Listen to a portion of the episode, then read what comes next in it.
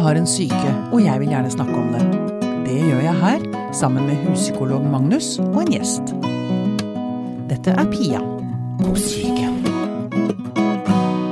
I dag Magnus, så skal jeg faktisk begynne med å løfte frem eh, et nettsted som jeg besøker mye, nemlig psykologisk.no. Ja, Det er så bra, det er så mye interessant der.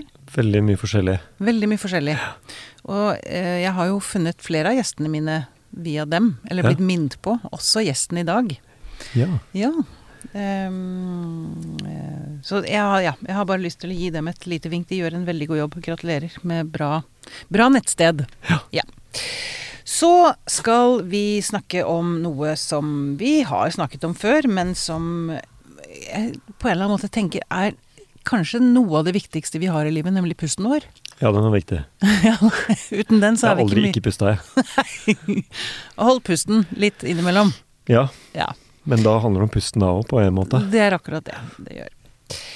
Velkommen, eh, Magnus Slagsvold Støre. Tusen takk. Hva slags tittel bruker man på deg, egentlig? Ja, det er et godt spørsmål. Ja. Og kanskje et helt uvesentlig spørsmål? Ja, for en person som er så opptatt av eh, å finne seg selv, som jeg er, så er det et ganske stort spørsmål, men jeg har ikke noe godt svar på det. Men, Jeg har to små barn, da, så jeg føler at jeg er småbarnsfar. Ja, er liksom noe som kan være- dominerer eh, livet mitt. En tittel. Ja. Og så er det jo sånn at um, du er også sønnen til statsministeren, hvor det må nevnes, rett og slett Mm. fordi du heter Støre. Det blir for dumt å ikke si det. Mm. Vi skal ikke dvele ved med det. Men altså, jeg, jeg må bare spørre også, er du fjernt uh, i slekt med finansministeren også? Han er min mors tremenning. Ikke sant? Ja. Så man har liksom et lite stykke regjering inni her, Ja. inni studio nå. Ja, det er koselig. Da var vi ferdige med politikken. Og så går vi over på eh, det du selv nevnte, altså dette menneskesinnet. Mm. Finne seg selv. Mm.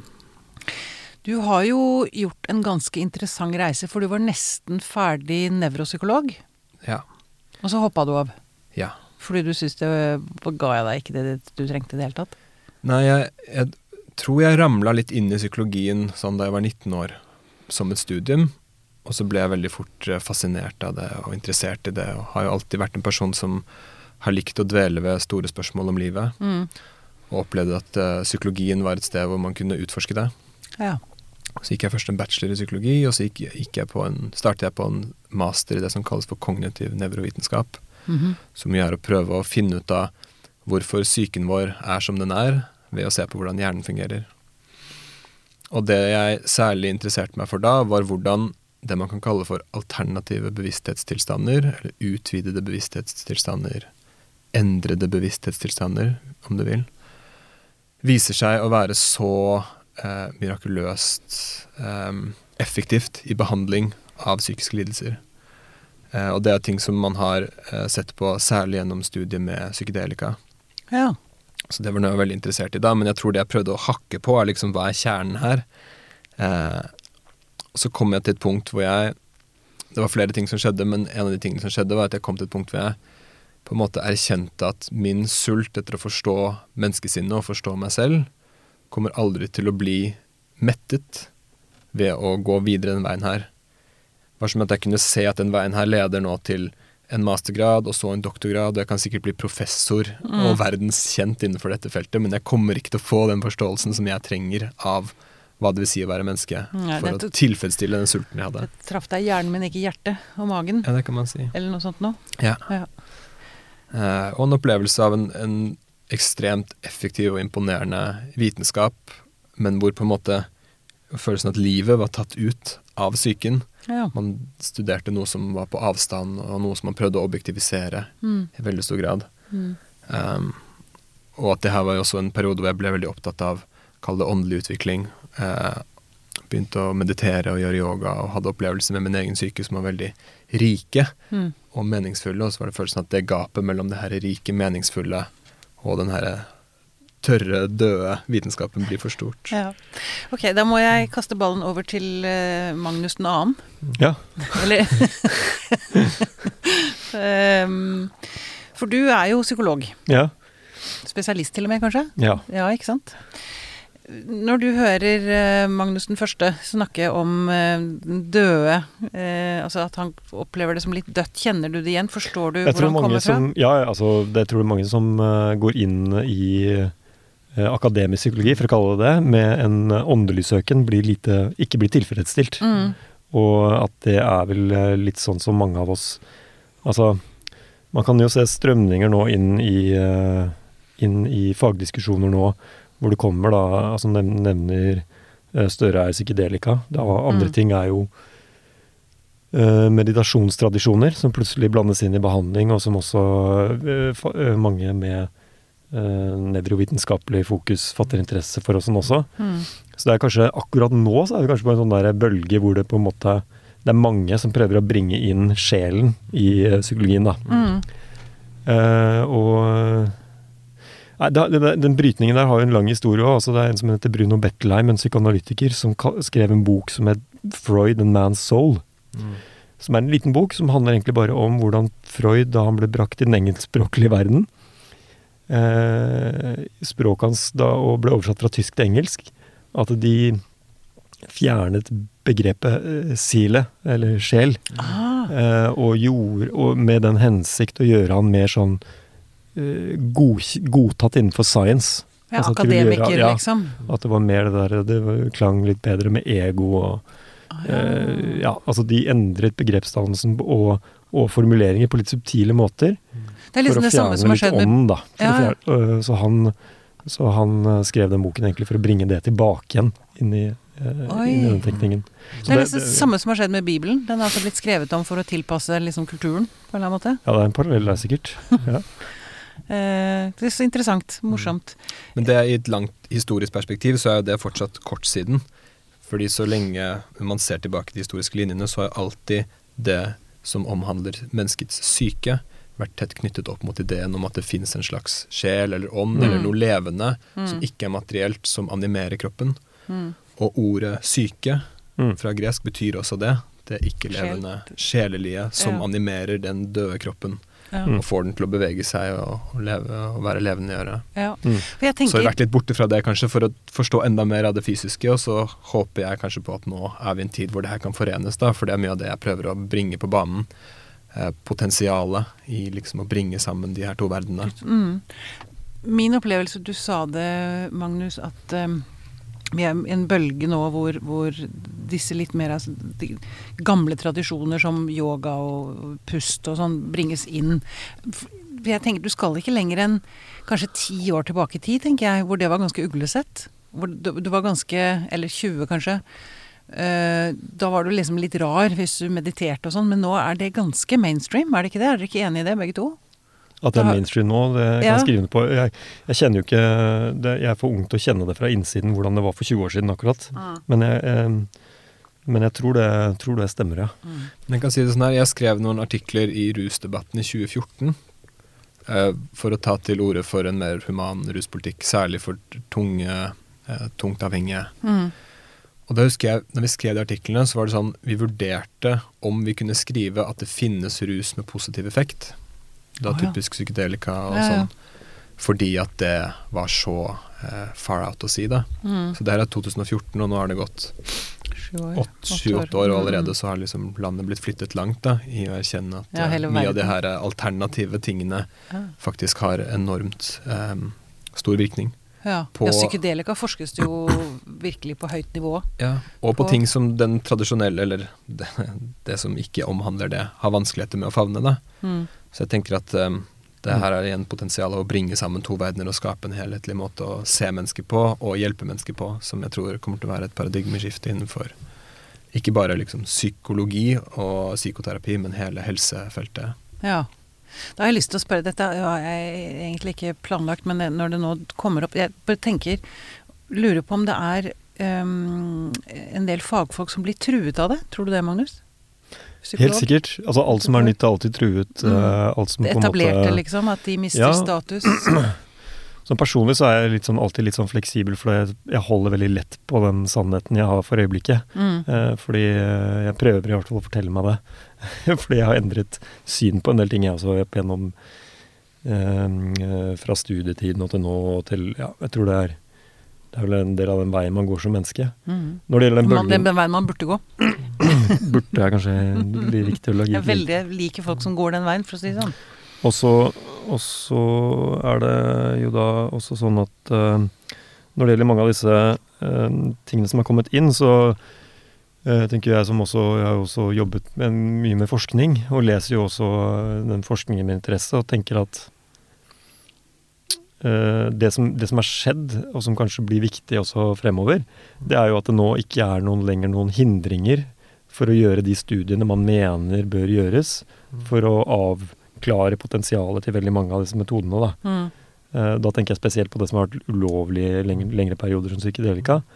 Og at vi venter jo da på de eh, svarene, at det begynner å gjøres store studier der. Mm.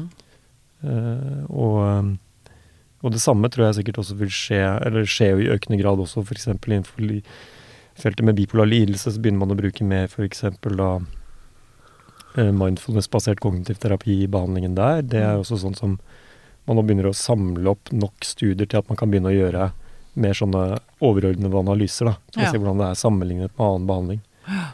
Så ja. Det blir, det, jeg tror vi går en eh, spennende tid i møte når det gjelder å, å utforske hvordan disse tingene forholder seg til det som allerede finnes, da, og som Ja. er etablert.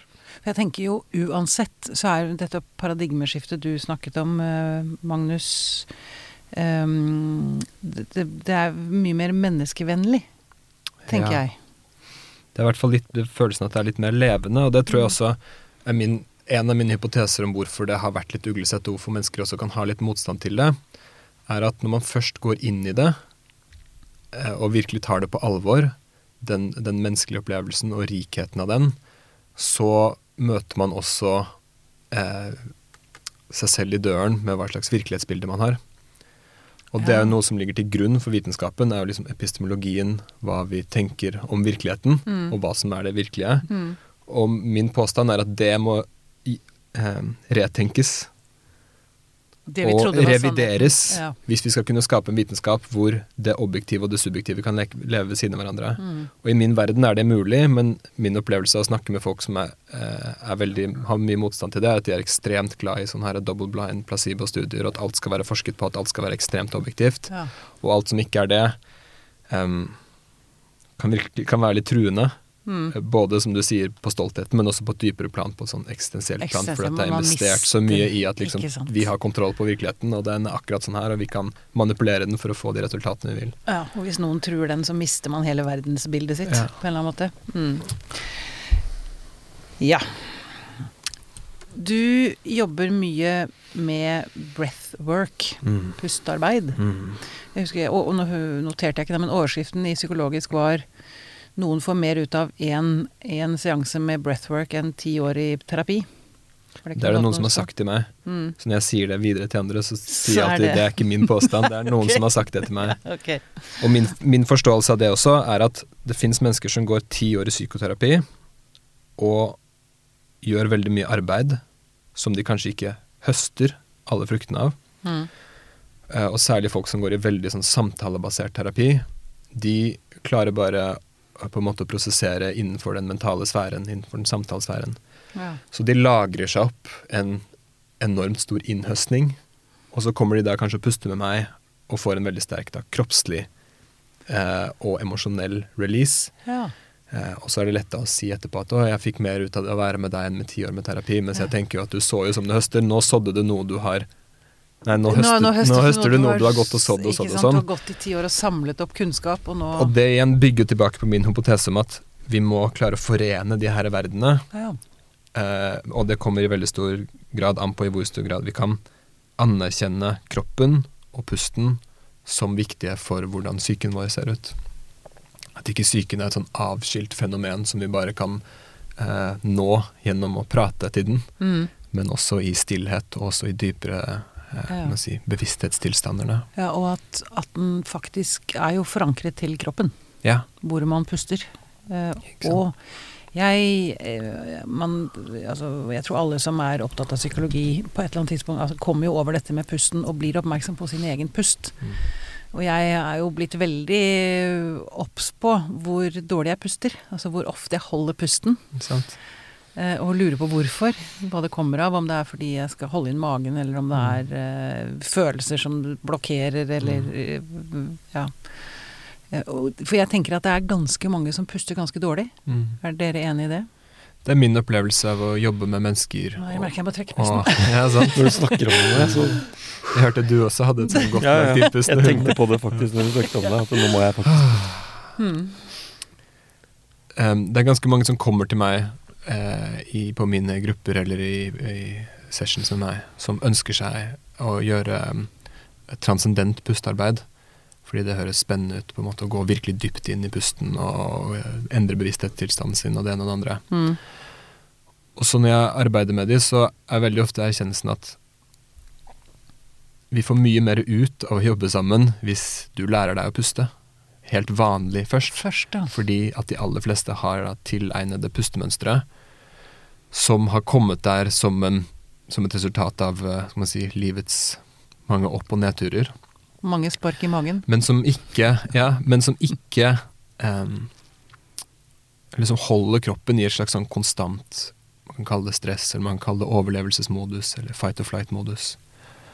Eh, og det blir en sånn selvforsterkende effekt, fordi når kroppen blir stressa, så puster du enda mer stressa, Mm. og så blir kroppen mer stressa. Mm. Og det som er så magisk med pusten, er jo at det er jo en automatisk funksjon i kroppen som er koblet til veldig mange av de tingene kroppen gjør. Koblet til hjerterytme, koblet til blodtrykk, koblet til eh, hvordan hjernen vår fungerer.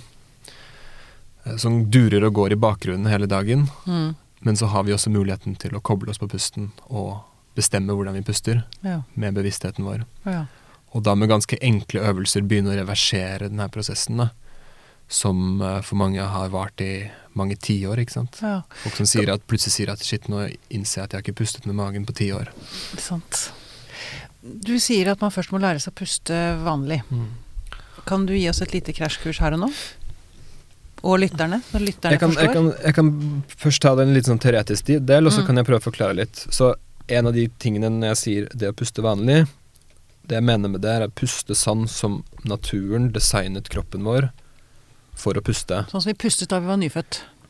Ikke sant? 95% av tiden. Nyfødte puster jo litt spesielt fordi de har en nyfødtsanatomi. Ja. Men hvis du ser på menneskekroppen, eller dyrekroppen, Mm. så er den designet til å være i et avslappet modus det mesteparten av tiden. Eh, hvor den henter krefter, og hvor den fordøyer mat. Så det er liksom rest and digest, kalles det eh, hvis man ser på liksom nerveaktivering. Um, og så har den også et annet modus som den kan kicke inn i hvis den trenger å løpe fra en løve, eller at det blir noen problemer, eller Og det er helt utrolig at den kan det. Um, jeg har nylig opplevd det selv. Uten å få gå for mye inn i det, så var jeg i en bilulykke forrige helg oh. um, som gikk bra, men da fikk jeg oppleve hvor klar kroppen er i hvilket som helst øyeblikk til å igangsette en helt utrolig respons av alertness. ja. Em, Det gikk bra med de andre òg, eller? eh, det gikk ganske bra. Mm. Eh, alle kommer til å bli friske igjen, og det kunne gått veldig mye dårligere. Så bra. Um, men jeg kommer også hit litt i dag. Jeg tenkte på det for, før jeg kom hit i dag, for de siste, siste halvannen uke for meg har vært veldig mye å bruke pusten til å få kroppen min til å slappe av igjen. Fordi at jeg har gjennom den eh, sjokkerende opplevelsen det var å plutselig krasje, Så, ja. um, så gikk kroppen min i en sånn slags sjokkmodus som den ikke kom ut av da, ja. på en del dager. Så tilbake til det som jeg snakket om i stad, så handlet jo det da om å prøve å få kroppen min til å komme tilbake til å puste sånn som den er designet til å puste. Og det er først og fremst det vi kaller for å puste med magen, Mm. men som faktisk er da puste med diafragma, som er pustemuskelen vår. Som er en svær muskel som ligger på undersiden av ribbekassen Mm. og ser ut litt som en glassmanet. Den dekker liksom hele undersiden av ribbekassen. Og så strammer den seg som når en glassmanet svømmer, Mm. For å åpne lungene og dra pust inn i kroppen. Og da, siden ribbe, eh, diafragma går nedover, så beveger magen seg utover, og da sier vi puste med magen. Mm.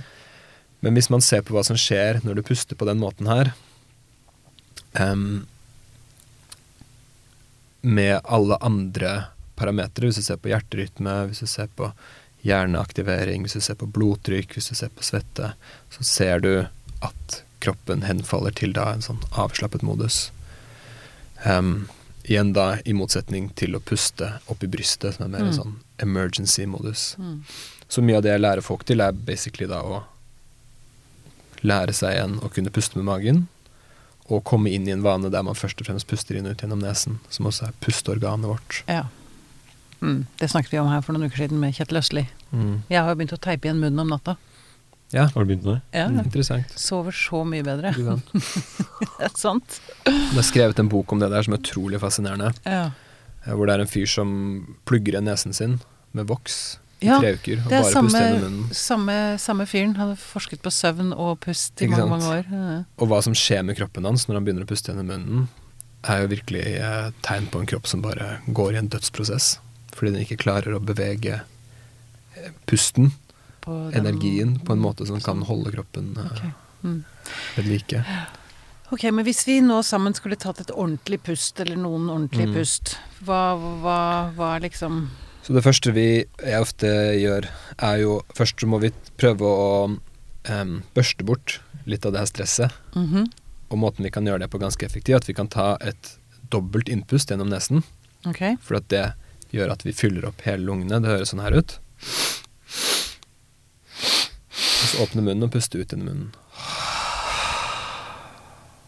Og det er litt av poenget at på utpustet så gjør vi ingenting. Vi kontrollerer det ikke, vi dytter det ikke ut, vi holder det ikke tilbake, vi bare slipper, det. Slipper det. Mm. Som om man skulle sluppet en fjær som bare kunne dalt ned gjennom pusten, Ja. gjennom luften. Okay. Så hvis vi gjør det en gang til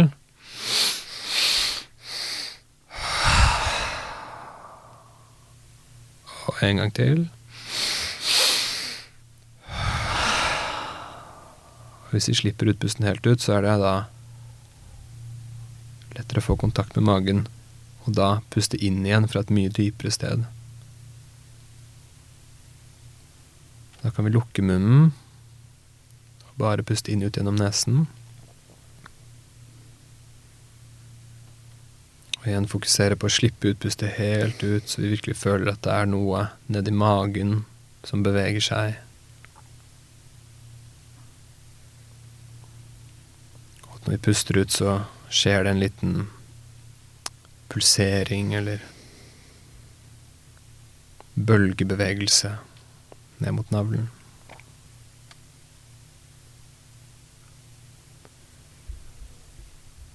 Og noe av nøkkelen i de her type øvelsene er igjen den avslappede, hengitte utpusten. Som en slags motsats til det å gå og holde pusten.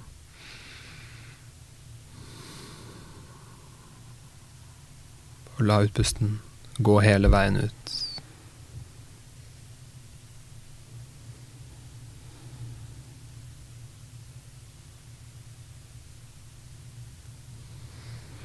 Og når man nå har kontakt med pusten, så har man også kontakt med kroppen, så da blir det plutselig enklere å kjenne på hvor man er spent. Kanskje kjenner man at skuldrene egentlig kan være fem centimeter lengre ned enn det de er. Kanskje kjenner man at musklene rundt kinn eller i pannen er litt sånn full av rare grimaser man har gått med gjennom dagen. Og kanskje kjenner man at musklene i bekkenbunnen og rundt anusåpningen er spent. De kan også få lov til å være helt myke og avslappede.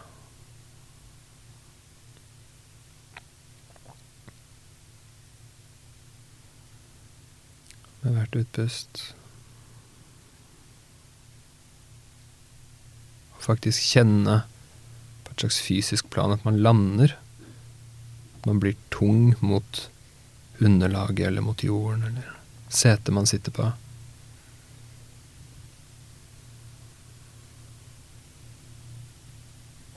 Og at denne tyngden også er et slags uttrykk for stabiliteten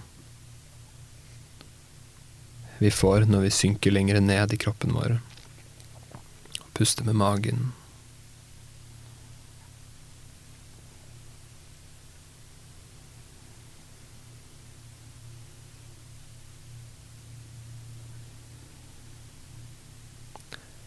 Hva skjer inni deg nå, Pia? Ja, det er så deilig.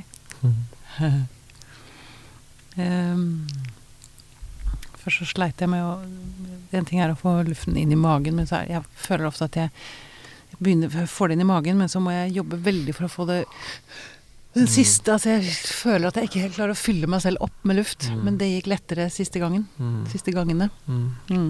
Så det er vel kanskje noe med at det løsner, at man slapper av i brystkassa også. Ja. Det er både det, og i min forståelse så er det også at når du først tillater kroppen å slappe av, så overtar også kroppens egen intelligens. Så mye av det som er sånn Som jeg må jobbe med, Ja, du kan kalle det det, men det er også en funksjon kroppen har til å gi slipp på spenning. ja. Det er liksom en slags fetter av en eh, Altså av et sukk. Ja. Det er en Ja. pustefunksjon som kroppen bruker for å prosessere emosjoner. Og det kan man også, også av og til gjøre når man sitter litt, så kjenner man at man plutselig må liksom Kommer Mm. litt sånn.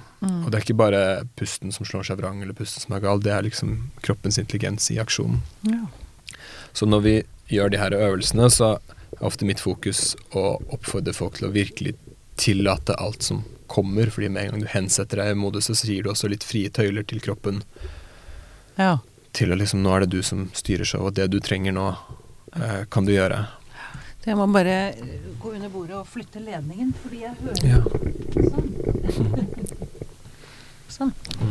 Jeg, hørte føttene dine på ledningen. Ok. Ja. Mm. Hmm. Men når du snakker om um, breathwork, når du har grupper Mm. så Du snakket om transcendental. Ja. Hva er det for noe? Det var et ord jeg brukte som har mange betydninger. Altså, den her, det man kaller for breathwork, er mange forskjellige måter å puste på, som har eh, beslektede teknikker helt tilbake til oldtiden. Mm. Eh, som er måter å bruke pusten på for å endre bevissthetstilstand. Og endre på en måte, kroppsfunksjon, for det handler ikke bare om bevissthet, det handler om kroppen og bevisstheten sammen. ikke sant? Mm. Psyken og kroppen og hvordan de henger sammen. Og akkurat den teknikken som jeg baserer meg på, selv om jeg har liksom utviklet den litt selv, eh, spinner tilbake til teknikker som ble utviklet av mennesker som arbeidet med og forsket på psykedelika. Og så ble det ulovlig, og så måtte de finne alternativer. Ja. Og da utviklet de det her pusten, så det går under mange navn. Det går også under navnet rebirthing, eh, som også er et ganske sterkt navn for en teknikk. ja. um, det går under ordet, navnet holotropisk pust, Ja. um, og andre navn. Men det er en veldig enkel pusteteknikk, der man ligger på ryggen og puster inn og ut gjennom munnen på en spesiell måte, eh, som hensetter da kroppen og psyken til en slags endret bevissthetstilstand, som interessant nok eh, nevrologisk sett har veldig mange likheter med det som skjer når man bruker disse klassiske psykedelikaene som vi har snakket om tidligere. Ja. Um, og det er em, en utvidet bevissthetstilstand i sånn det oppleves, men det er også det som skjer i hjernen, at det er flere hjerneområder som begynner å snakke sammen. Så det er en slags eh, Kall det utvidet eller opphøyet. Det tar ned noen barrierer, høres det ut som. Ja, og det utvider perspektivet på livet, eh, men ikke fra det samme stedet man står og ser fra, fra vanlig, hvis det gir mening. Mm. Så man er vanlig at et perspektiv er det man ser på. Mm. Nå er et større perspektiv av det jeg ser på, men det endrer også den som ser. Og det er jo tilbake igjen til mye av det som jeg tenker er eh, den helbred, store helbredende effekten av de her eh, vitenskapene som nå kommer inn i det, um, det, uh, det vitenskapelige. Vitenskapelige. Mm. Uh, holdt jeg på å si verdien av å se seg selv fra et annet perspektiv. Det mm, tenker jeg alle kunne hatt godt av, med jevne mellomrom. Jeg må bare høre Magnus, huspsykolog, hvordan opplevde du pust, pust, pustingen? Uh, jeg har jo eh, mm, Ikke av dagens gjest, men eh, litt tilfeldig, egentlig. Så har jeg prøvd et par sånne Vært med på et par sånne sesjoner tidligere Ja. med, med noe sånn pusting. Mm. Uh, og eh, ut fra et sånt Hva skal man si Det er veldig, veldig mye som skjer um, samtidig her, da, fordi uh, det er jo ganske mange uh, terapitradisjoner også som uh, has, søker mer emosjonell aktivering i Mm. terapier, ikke sant? Mm. Uh, og da er jo denne pustingen nevnt av mange som en ting som aktiverer uh, Er med på å aktivere og åpne opp uh, for det å oppleve følelsestilstander. Og eh, det kjente jeg igjen, ikke akkurat nå, men eh, tidligere da jeg prøv, forsøkte det. Så ble jeg litt slått av effekten av det, da. Ja.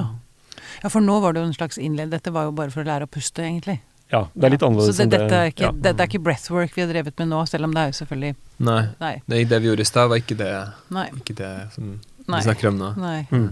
Men for jeg Men- Ja, sorry. Nei, nei, det var bare eh, For jeg, jeg kan egentlig ingenting om det. Jeg var med på det fordi jeg du, du, du kjenner meg litt nå, Pia vet at jeg liksom er ganske nysgjerrig av natur, da. Mm. Uh, og, men eh, da holdt man på ganske lenge, Mm. så jeg uh, lurte litt på det. Altså når du holder på med de uh, pustesesjonene dine, er det sånn at det Hvilket format Hvordan ser Typisk, formatet ut? typisk en time med aktiv pusting, og så 20 minutter med avslapping etterpå. Ja. De her rebirthing-folka kan holde på i flere timer. Mm. Virkelig pushe kroppen til, som du sier, å aktivere følelsene for å kunne em, transformere de, da, til syvende og sist. Mm. Følelsesmessige mønstre, traumer, og det de spinner tilbake til liksom grunntraumet, da, som er opplevelsen av å bli født. Ja.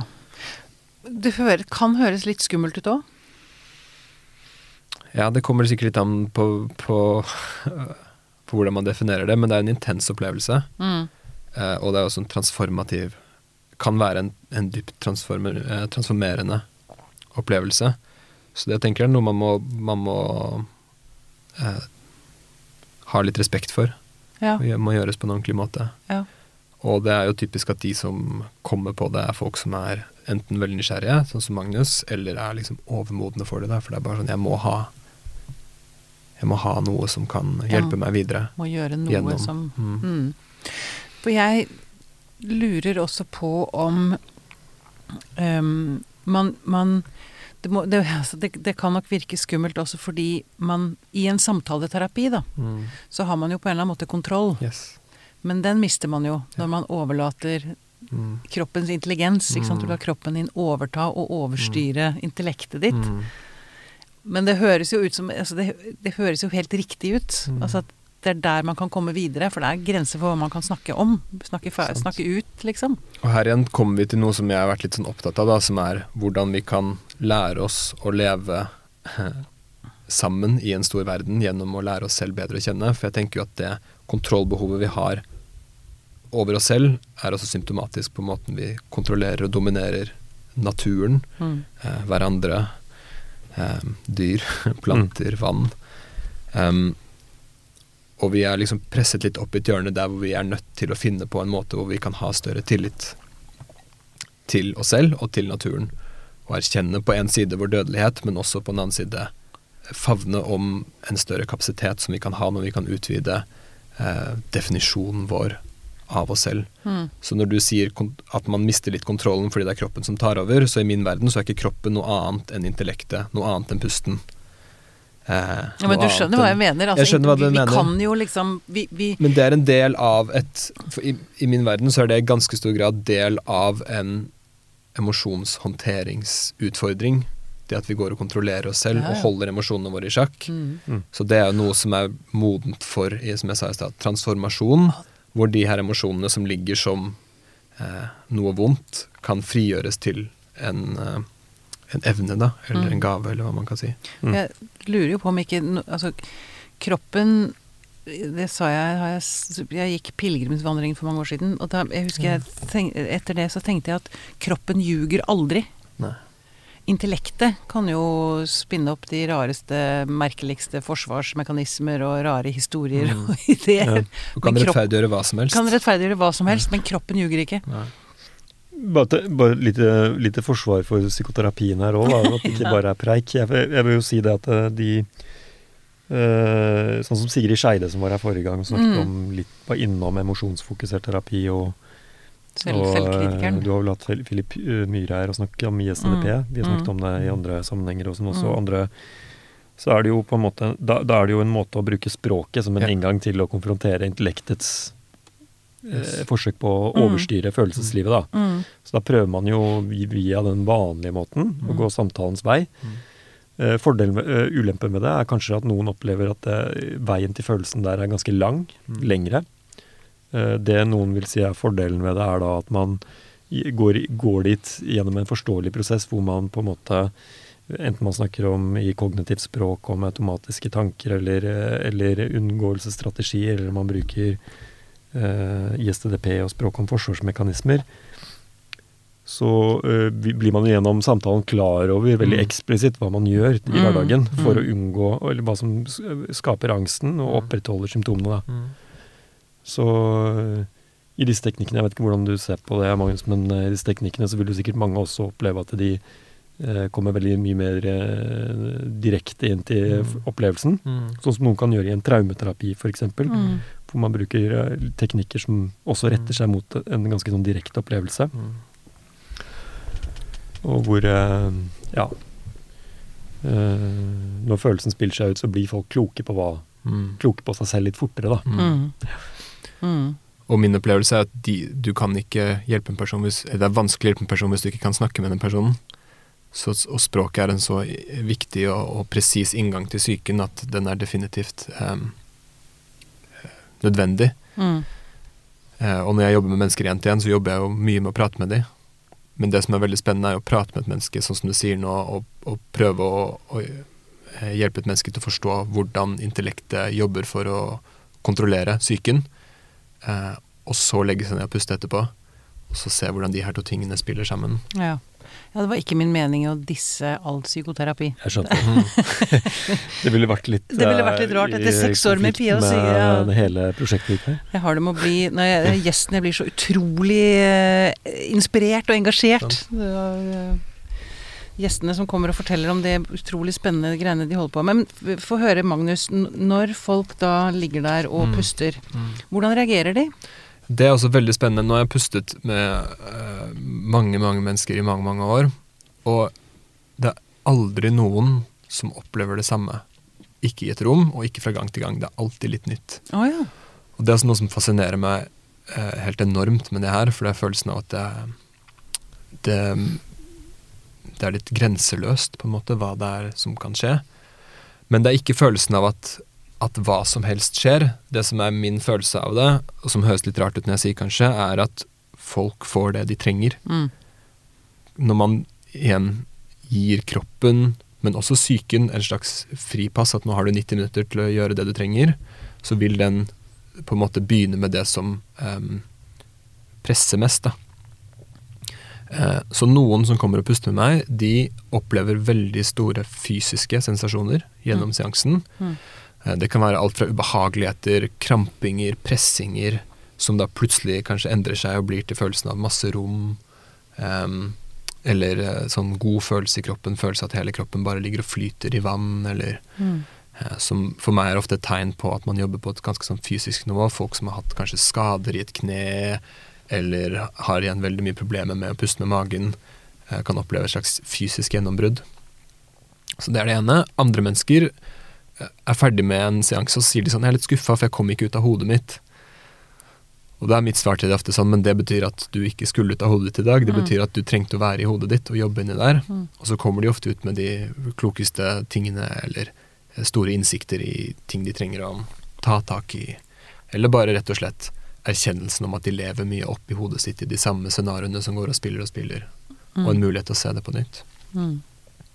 Så har du kategorien av mennesker som, som kommer i den her, kall det utvidede bevissthetstilstanden, eh, hvor det er følelsen av at intellektet, slik man kjenner det i hverdagen, og også egoet, eller følelsen av hvem man er, og alle historiene som hører med til det, eh, også går i oppløsning til fordel for en, en slags høyere bevissthet, eller en høyere kapasitet til å prosessere, eh, i motsetning til det her intellektuelle, veldig sånn spisse som vi lever i hverdagen, Mm. og også en dypere følelse av identitet som går kan man si, dypere enn personligheten. Eh, og det er kanskje særlig de tilstandene jeg eh, arbeider med å bruke som et terapeutisk hjelpemiddel, fordi at det også er så ekstremt um, også empowering for et menneske å Mm. oppleve at i meg så bor det noe som, som er så um, storslått og intelligent, og som har den her dype connection til alt levende, da, til syvende og sist. Ja. Som også grunnen til at mye av det jeg driver med, fort ender i liksom krysningspunktet inn mot uh, åndelig tematikk. da. Og som passer seg når man jobber med åndedrett. Det er jo det vi driver med. uh, og så har du en slags siste kategori, som er den totale transcendensen.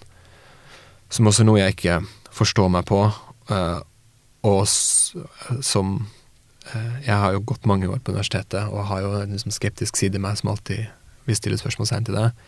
Men jeg også bare bemerker meg at mennesker kommer for å puste som aldri har pustet før. Ikke har noen spesielle intensjoner for den pustearbeidet. Eh, ikke har noe åndelig tilknytning, og så puster de, og så kommer de ut etterpå, og så sier de jeg har, jeg har hatt et møte med noe som Det eneste ordet jeg kan bruke, er Gud, og jeg klarer ikke å forstå det. Men det var så vakkert at jeg tror jeg aldri har opplevd noe så fint i hele mitt liv. Det høres jo ut som om eh, en ganske heftig bra rus. Ja, Det er en måte å se det på. En annen måte å se det på at det er en avrusning da, fra ja. sykens liksom. Men jeg liksom tenker, ikke sant, vi, vi, har det jo med, vi har jo snakket om bl.a. alkohol. Mm. Her, ikke sant, At folk mm. flykter inn i alkohol. Ikke sant? At, men at dette her er jo mm. Det høres jo mye heftigere ut enn en fyllekule. Altså, er det, ikke, det er veldig vanskelig å bruke det som en flykt, flukt for det første som skjer, at du blir konfrontert mm. med alle liksom, barrierene dine. Ja. Så det er jo kanskje det motsatte av en flukt. Da. Det er liksom heltens reise gjennom alle barrierene tilbake til noe Vakker prinsesse. Eventyrenes ja. Eh, verden, den, den, liker vi. Jeg må bare høre med huspsykolog Magnus um, om du tenker at dette kan være litt farlig hvis man har en heftig psykologisk, psykisk lidelse, sånn som Schizofreni altså Jeg vet ikke. Bipolar. Altså at, at kan, altså man, det jeg, jeg har, litt, kan det være skummelt òg? Eh, jeg har, jeg, har ingen, jeg har, egentlig eh, ingen forutsetninger for å uttale meg veldig sikkert om det, men altså Hvis man snakker om folk som har hatt psykotiske gjennombrudd eh, i mm. historien, og sånn, så skal man jo alltid bare være forsiktig. Ja. Så jeg vil helst ikke si noe annet enn Nei, men det er fordi, fint svar. Jeg bare tenker at det var lurt, det er fint å løfte det frem, tenker mm. jeg. Som, ja, det synes jeg også. Mm. som et aspekt mm. ved dette. Og min, min arbeidshypotese er at alle kan puste alle er velkomne på mine timer, men folk som da typisk har historier med de tingene du nevner, eh, psykose, schizofreni, eh, vil gjerne vite det på forhånd. Mm. For da er det også mulig å puste på en roligere måte, som er mer formålstjenlig for at kroppen kan finne roten sin. Som ja. er da motsetningen til den her utblåsningen. Ja, Så du, du, si. du jobber, jobber, med individer indi også? Individuelt i en gruppe. I en gruppe ja. uh, og at oppfordringen til folk som hører på det her, og som er nysgjerrige, er å finne, hvis man finner noen som driver med det, er å være åpne med de tingene før man går inn i en, mm. i en seanse. Fordi det er som jeg sa i stad, noe man skal ha respekt for også, fordi at det er så enormt uh, potent. Ja. Og også i min verden, det er liksom noe som uh, som har en viss sånn hellighet over seg. da, Så noe man skal også tilnærme seg med liksom en grad av ærbødighet og respekt. Det er ikke en, noe man bare popper innom på Det tar liksom det er, tar for moro, moro skyld. For da kan, du, da kan det um, komme i rekyl, ja. og så må du deale med det. Ja, La meg spørre deg, jeg lurte på, um, for jeg kjenner ikke til hvordan dette her blir eh, brukt andre steder i verden og sånn, men er det noen som prøver å bruke det i en sånn uh, mer sånn setting innenfor psykisk helsevern i behandling? Jeg Vet du om det er uh, noen som f.eks. prøver å forske på bruken av det? Er dette en teknikk som noen kommer til å begynne nå å ta i bruk i kombinasjon med andre type samtaleterapi? For det, det er det du litt sier, er det ikke? Jeg vil anta at det skjer. Ja. Jeg har ikke en fot innenfor den verden nå, men det ville vært veldig overraskende hvis ikke det er folk som, som forsker på det. og, og som interesserer seg for det? Og, interesserer seg for det. Problemet er igjen at du, for å forske på det, så må du strømlinjeforme det. Og igjen i min opplevelse at det er så utrolig individuelt for hver person. For at det skal funke, så må det få lov til å være individuelt for hver person. Så hvis du lager en protokoll hvor det er sånn du må puste på denne måten, med denne rytmen, og så lang utpust, så lang innpust, for at vi skal kunne gjøre et randomisert studie på det, mm. så mister du også litt av magien sin, eller mister litt av funksjonaliteten sin. Um, mm. Og så er det også igjen um, den her litt vanskelige brytningspunktet mellom noe som har en veldig sterk sånn åndelig, et veldig sterkt åndelig aspekt, da, og, mm. og liksom seriøs eh, medisinsk forskning. Ja. Si. Mm. Det ser litt sånn parallell, for vi hadde jo, som vi snakket om hypnose her eh, for en ja. tid tilbake. Som, eh, hvor det var en som var i studio for å fortelle om at hypnose er noe eh, psykologer, psykiatere fysioterapeuter burde ha på repertoaret. Mm. Fordi, eh, fordi det er noe man kan bruke som en teknikk. Mm. Og det var jo liksom da fremhevet som et eh, verktøy man kan bruke i behandling. Mm. Eh, Det er kanskje en liten parallell her også. Mm. At, fordi hun snakket også Hun snakket jo også om at det, hun så ikke på det som en sånn protokollført behandling som skulle utføres likt på alle, men mer Mm. som et, Mm. et supplement, da. Mm. Mm. Og jeg har hatt eh, psykologer som kommer og puster med meg, som er veldig interessert i det, og noe av det de sier til meg, er jo også at de som psykologer er interessert i å på en måte finne ut av hvordan de kan hjelpe folk, da. Og ha flere, som du sier, flere verktøy i kassa si, og um, muligheten til å hjelpe folk der de er. Uh, og da å ha noe som er så på en måte konkret som pusten, uh, men som er en inngang til egentlig i min verden i hvert fall hele menneskevesenet på alle plan, Mm. eh, er jo noe som er for verdifullt til at det, man kan la det ligge utenfor terapi, terapirommet. Mm. Mm. Jeg har lyst til å spørre om Du snakket i sted om eh, sjokk. At du brukte lang tid på å puste sånn som kroppen skal puste. Etter bilulykken. Etter, etter bilulykken. Jeg bare tenker på og Dette er i egeninteresse fordi jeg em, fikk sjokk som barn. Mm. Fordi broren min døde, og mamma skrek da hun fikk beskjeden, beskjed når jeg lå i sengen min og sa ingenting. Mm. Og tenker at jeg fikk et sjokk. Mm. Og at jeg etter det ikke har pusta ordentlig. Mm. Høres det logisk ut? I min verden så høres det ut som et mønster, ja, som Mm. helt sikkert kan ha skjedd sånn. Ja. Jeg var vitne til at mm, eh, min seksåring fikk sjokk da vi krasjet. Så jeg fikk jo ja. se hvordan det er når et du barn var går i sjokk. med familien din. Og hvordan det er når et, igjen et, en syke som ikke er sterk nok til å prosessere kompleks emosjonell informasjon, Ja. um, soner ut det. Ja. Og i Mm. mitt språk så er det den beste måten jeg kan beskrive det for meg selv på, er at det er følelsen av at en sjelen forlater kroppen. Da. Mm. Det er for intenst å være i kroppen, og da bare tapper den ut. Mm. Så han var helt sånn blek i ansiktet og tom i blikket, og når man spurte han om ting, så svarte han på det, men det var ikke noe Når vi sa i stad at psyken er det som animerer kroppen, det var Ja. ikke noe til stede for å animere kroppen. Det var rett og slett for overveldende. Mm. Og så har jo barn en måte å liksom riste seg av det på og gå videre. Men jeg tenker at det er noe han kommer til å sitte på, det, og som på et senere tidspunkt kommer til å spille seg ut som en del av hans måten psyken hans er strukturert på. Ja. For jeg, dette med sjokk, det er, så, det er interessant med dyr som får sjokk. De Mm. skjelver jo, står og Mm. skjelver lenge etterpå.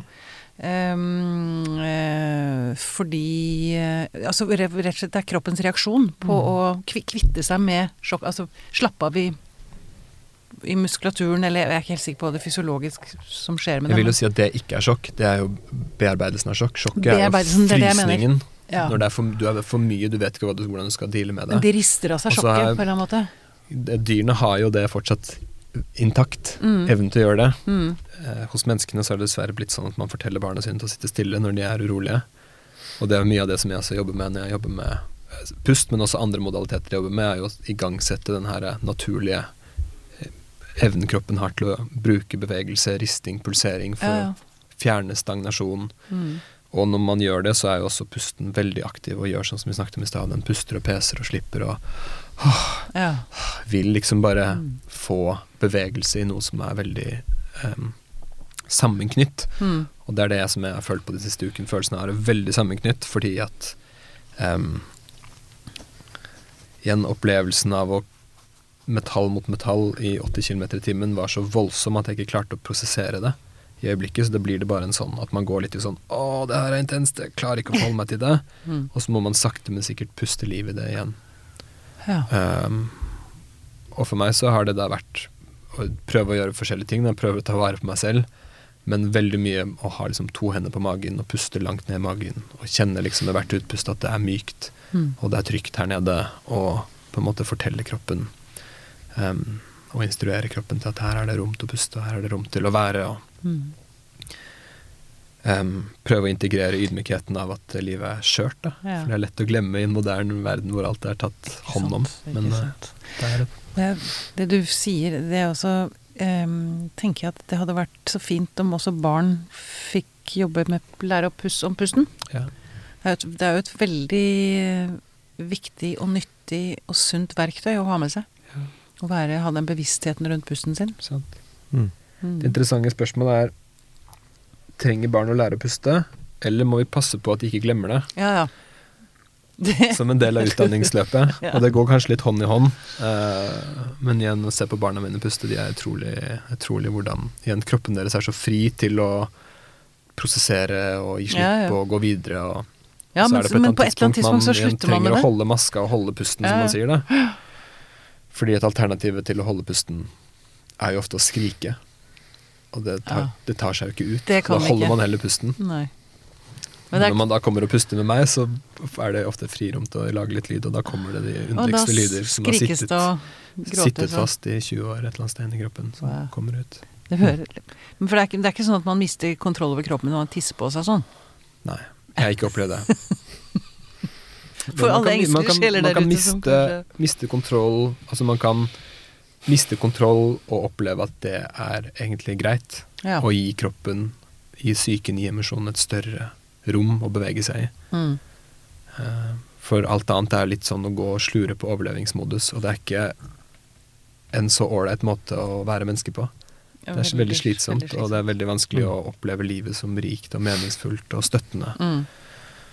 Um, Ja, jeg tenker på det som å la kroppen få lov til å bevege seg. Det er, veldig, det er veldig fint. Det kan Mm. anbefales. Eh, Kommer jeg bare på hvis jeg blir veldig stressa eller anspent. Jeg, jeg, det sitter mye spenning i kjeven. ja. Og jeg har merket at det å tillate meg selv å hakke tenner Mm. kan være veldig deilig. Sant?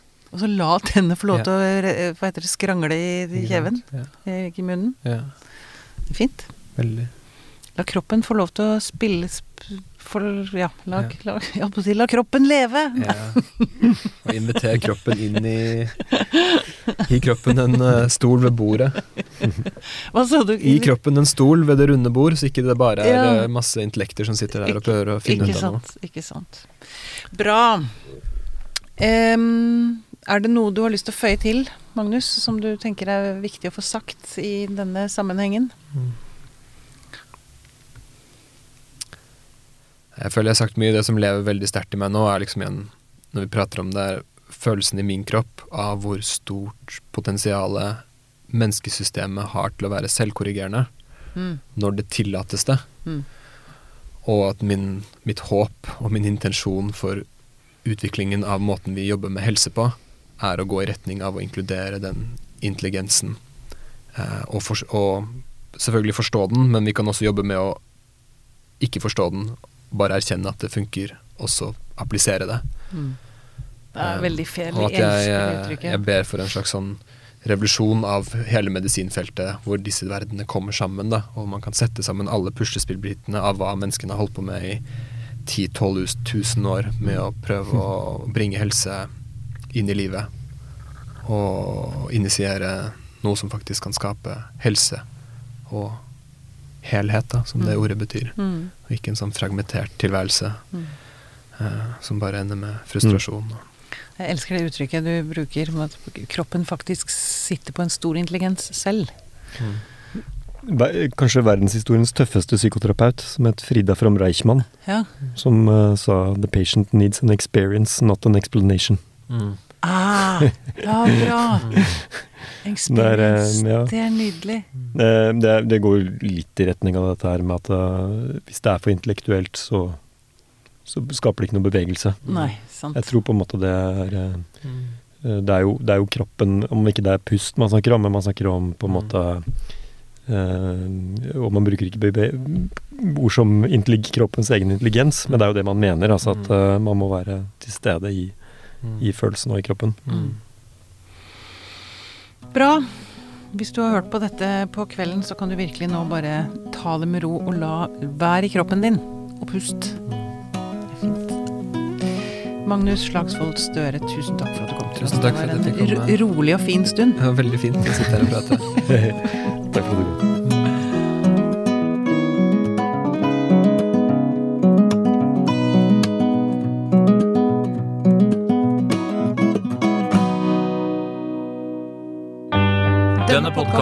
Produsert av Tid og list. Med støtte fra stiftelsen Kåre Berg.